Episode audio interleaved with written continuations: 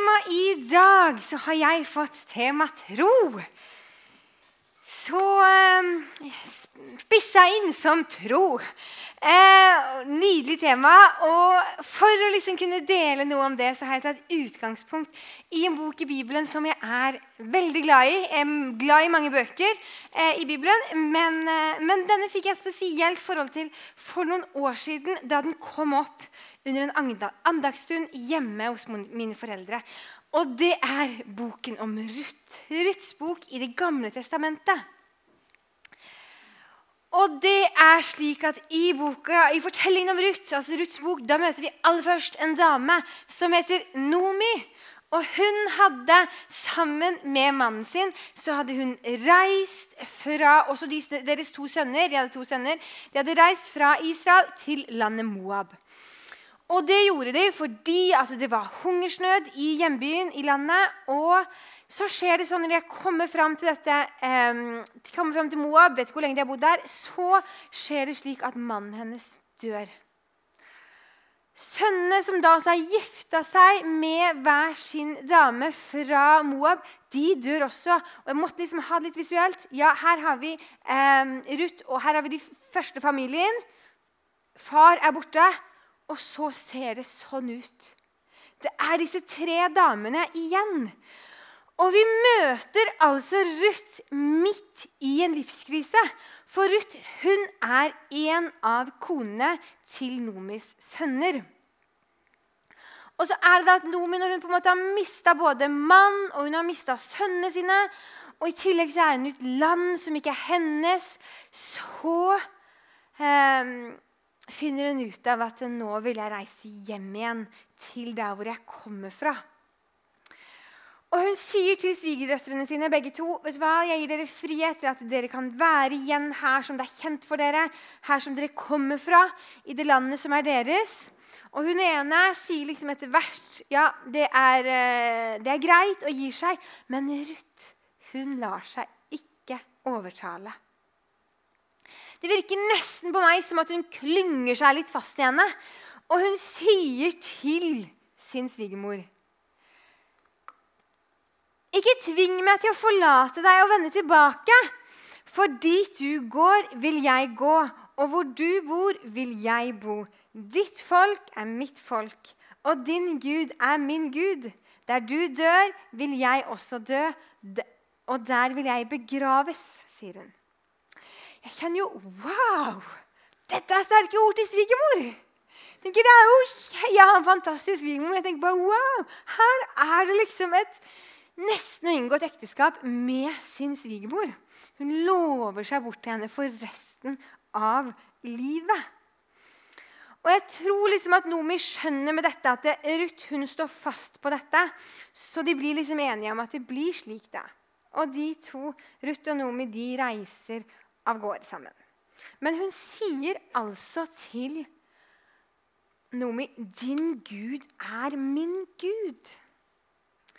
Livet sammen med Nomi og familien der det må ha betydd så mye for henne.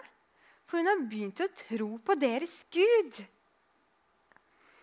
Ruth hun har forlatt sin Gud og begynt å tro på Nomi og familiens Gud etter at hun har bodd sammen med dem. Ruth er nok en av også de som med meg, og kanskje flere her i dag, som har fått høre og tatt imot troen i hjemmet. Innenfor de fire veggene som man bor. Og nå vet jo ikke jeg hvor aktivt ute liksom Nomi eller for liksom, Hvordan skulle hun forkynne, hvordan skulle hun overbevise Ruth? Og det er ikke sikkert at hun var det.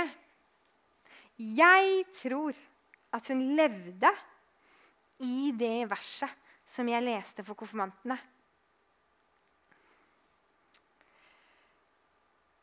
Skal, disse ordene som jeg pålegger deg i dag, skal du bevare i ditt hjerte. Du skal gjenta dem for dine barn. Du skal snakke om dem når du sitter i ditt hus, når du går på veien, når du legger deg, når du står opp. Du skal binde den om hånden på, som et tegn, på pannen som et merke. Og du skal skrive den på dørstolpen i huset ditt og på portene dine. Ruth bodde nok i et hjem sammen med sin svigerfamilie som var preget av Guds ord. Hvem han var. Og hvis jeg ser dette verset sånn, så tenker jeg at dette er jo det som vi i dag ville kalt en strategiplan. For du har første del. Der har du liksom visjonen. Dette vil du skal skje. Og så kommer andre del. Det kommer liksom strategien. Sånn skal vi komme Sånn skal vi liksom arbeide mot å nå visjonen vår, som vi ville sagt i dag. Og de, Her er det altså Moses som sier dette, og han slår et slag for å leve, leve åpent og integrert i troen. Han tegner liksom opp en plan. Sånn kan de neste generasjonene komme til tro og bli værende i den. Så slår det meg også når jeg leser disse versene her, at de var ikke så fryktelig annerledes enn oss. For det virker som at de trengte det veldig tydelig, og at de trengte en liksom kontinuerlig påminnelse. Når du står opp, når du legger deg, bind om hånden, snakk om det mens du går. Men det er hjemmet som er tatt som et utgangspunkt. Hjemmene våre er nok kanskje litt annerledes i dag enn det det var på denne tiden her. Eh, de aller fleste av oss bor nok ikke i generasjonsboliger. Det var jo vanlig tidligere. Men det vi i hvert fall vet sånn sikkert, er at på Moses sin tid så hadde de som da hørte disse versene, en annen forståelse av hjemmet enn det vi ser i dag. Hjemmet var ofte liksom flere generasjoner. Tanter, onkler, søskenbarn. Kanskje de også hadde en slave. Altså Det var mange flere enn de aller helt nærmeste som foreldre og barn. Og jeg tenker at Dette må jo være en god oppfordring til familien rundt, den øvrige familien, å ta del i troen til barn og ungdom. Ikke overlate alt til foreldre.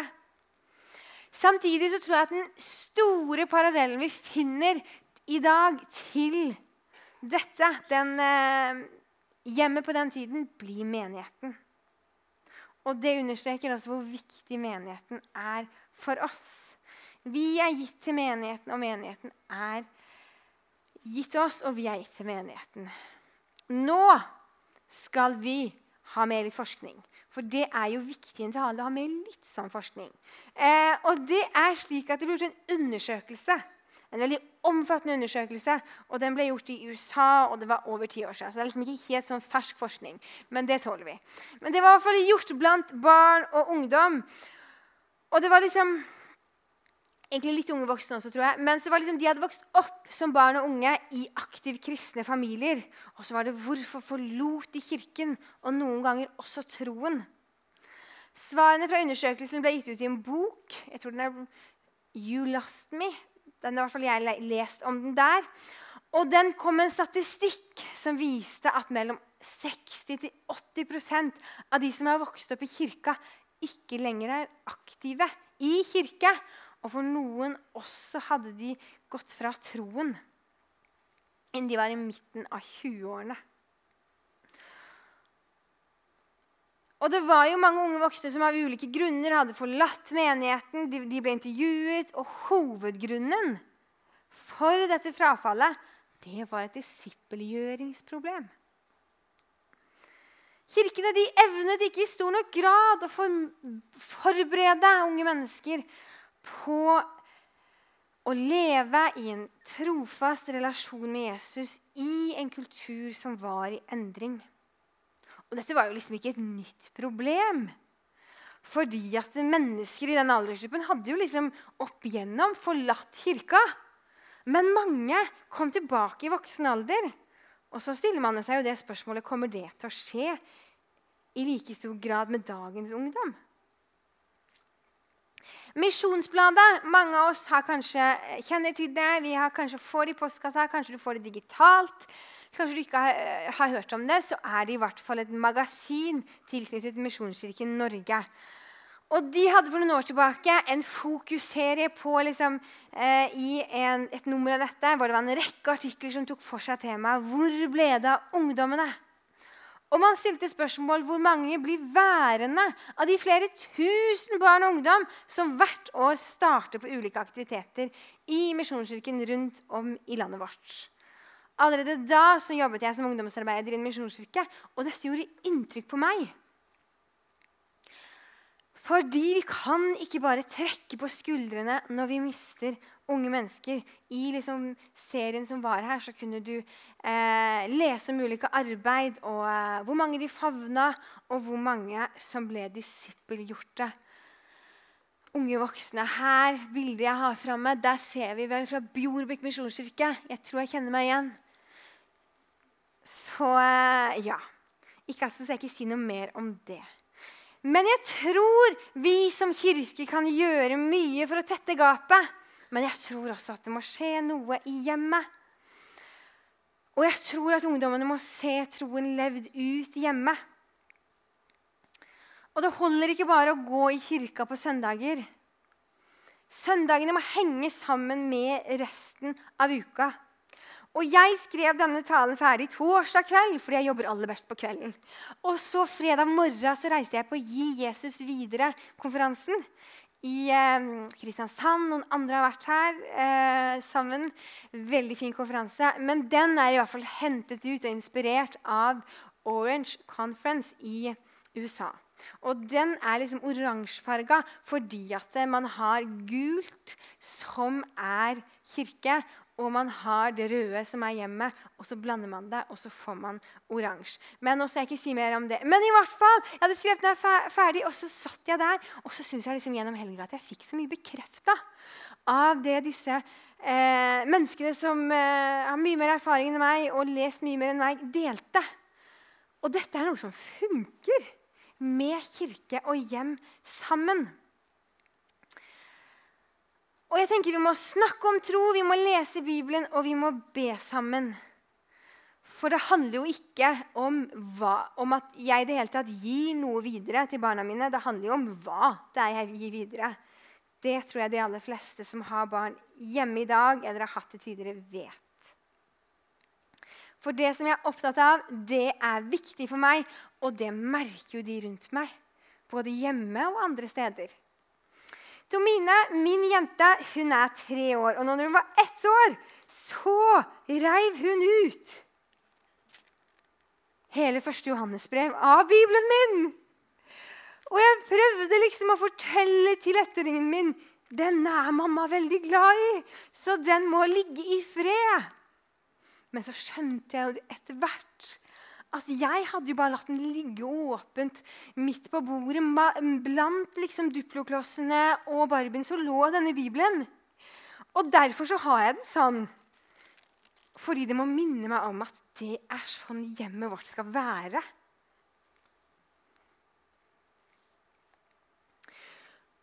Fordi jeg ønsker så inderlig at min relasjon til Gud at den skal være synlig at den skal være tilgjengelig for barna mine. Og Ruth hun sier, 'Din Gud er min Gud'. Og jeg legger liksom til et blitt, for den har blitt min Gud fordi hun har bodd sammen med dem. Og Nå skal vi gå tilbake igjen til fortellingen om Ruth. Fordi når Ruth og Nomi ankommer Betlehem, så blir det oppstyr i byen. Og Mange kjente nok igjen Nomi. Der er hun. Og hun prøver liksom å forklare de er ikke den samme. Jeg dro av gårde rik, og jeg vender tilbake fattig. Og de hadde det nok ikke enkelt. Ruth begynner å samle gjenværende korn på en åker. Og der er det en mann som heter Boas. Han eide åkeren, og han la merke til henne der. Og han får vite at dette er Ruth, og han har allerede hørt det gode ryktet om henne. Tenk så fint. Han hadde hørt om hennes trofasthet og alt hun hadde gitt opp for å bli med svigermor. Så han tok henne under sin beskyttelse. Han lot henne ta med den maten hun fant, og han sa også til arbeiderne behandle henne fint. Det gjør ikke noe om du legger igjen litt ekstra. Eh, og Nomi hun hørte dette, og hun ble kjempeglad. Fordi Boas han var i slekt med Nomi sin avdøde mann er det. Og da var det slik at han kunne fungere som en forløser. Dette er liksom ikke så kjent for, for hvert fall meg. Men da var det slik at eiendommen som Nomi hadde med mannen sin, som var død, den måtte forbli innen, innen slekten hennes. Eller slekten hans, da. Eh, de sin slekt. Og da var det slik at eh, den måtte løses ut av en slektning. Fordi Nomi hun kunne ikke som dame drive jorda selv. Og nå ser liksom Nomi for seg Boas han kan være den forløseren for oss. Og nå gjør disse damene drastiske valg her.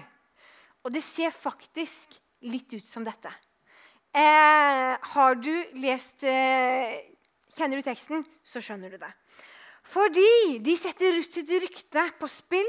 For Nomi ber henne stelle seg, ta på seg litt fint tøy og gå inn til Boas om natten.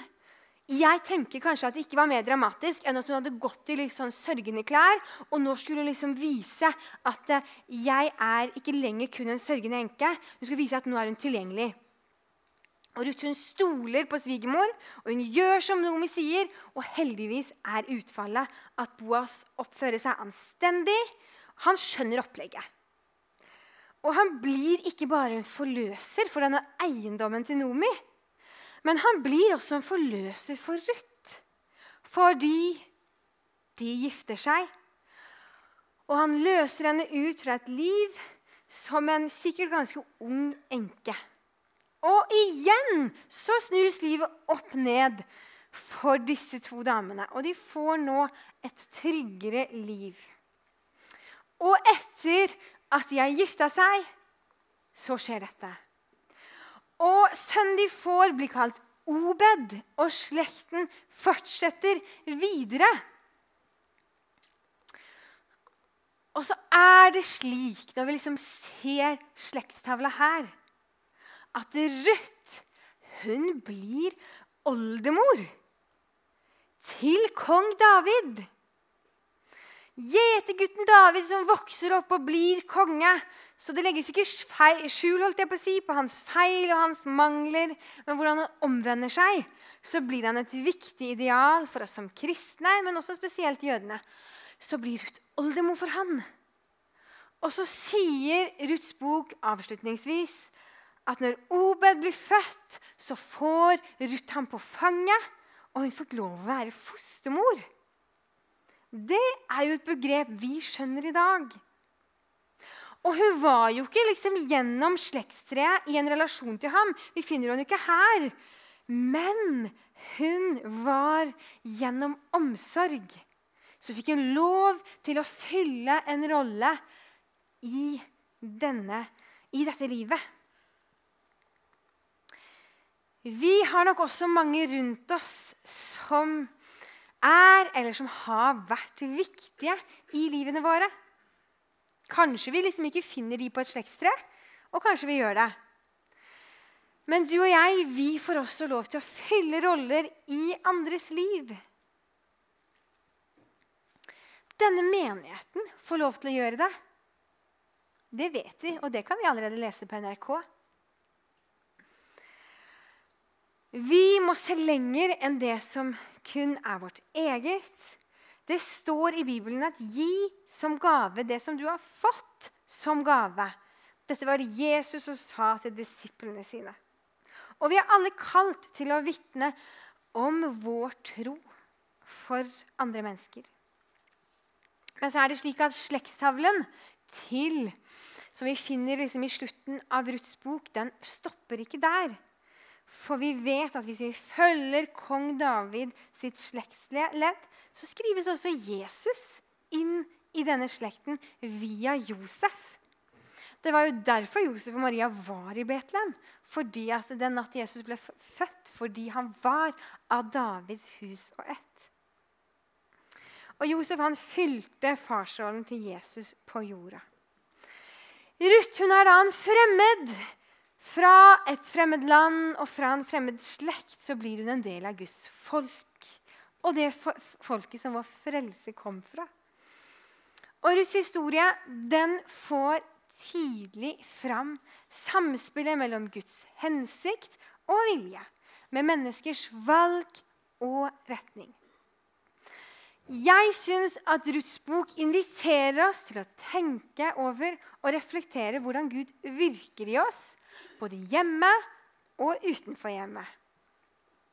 I det små, det store, det vonde og det som skjer i vårt liv. Hvordan det kan bli en del av en større sammenheng fordi vi vet ikke hvor våre relasjoner ender. Og vi takker deg, kjære far, vi takker deg for ditt ord. Jeg takker deg for at det er til glede og det er til oppmuntring for oss. Jeg takker deg for de menneskene som vi er betrodd, de vi har i hjemmet og de vi har ellers rundt oss. Jeg ber om at vi må se hver enkelt. Takker deg for at vi kan gi vår tro videre til den neste generasjon som kommer etter og til menneskene ellers rundt oss. Jeg ber deg for frimodighet inn i mitt liv. Og jeg ber deg om at det søndagen som vi nå sitter her Jeg ber om at den må henge sammen med resten av uka. I Jesu navn. Amen.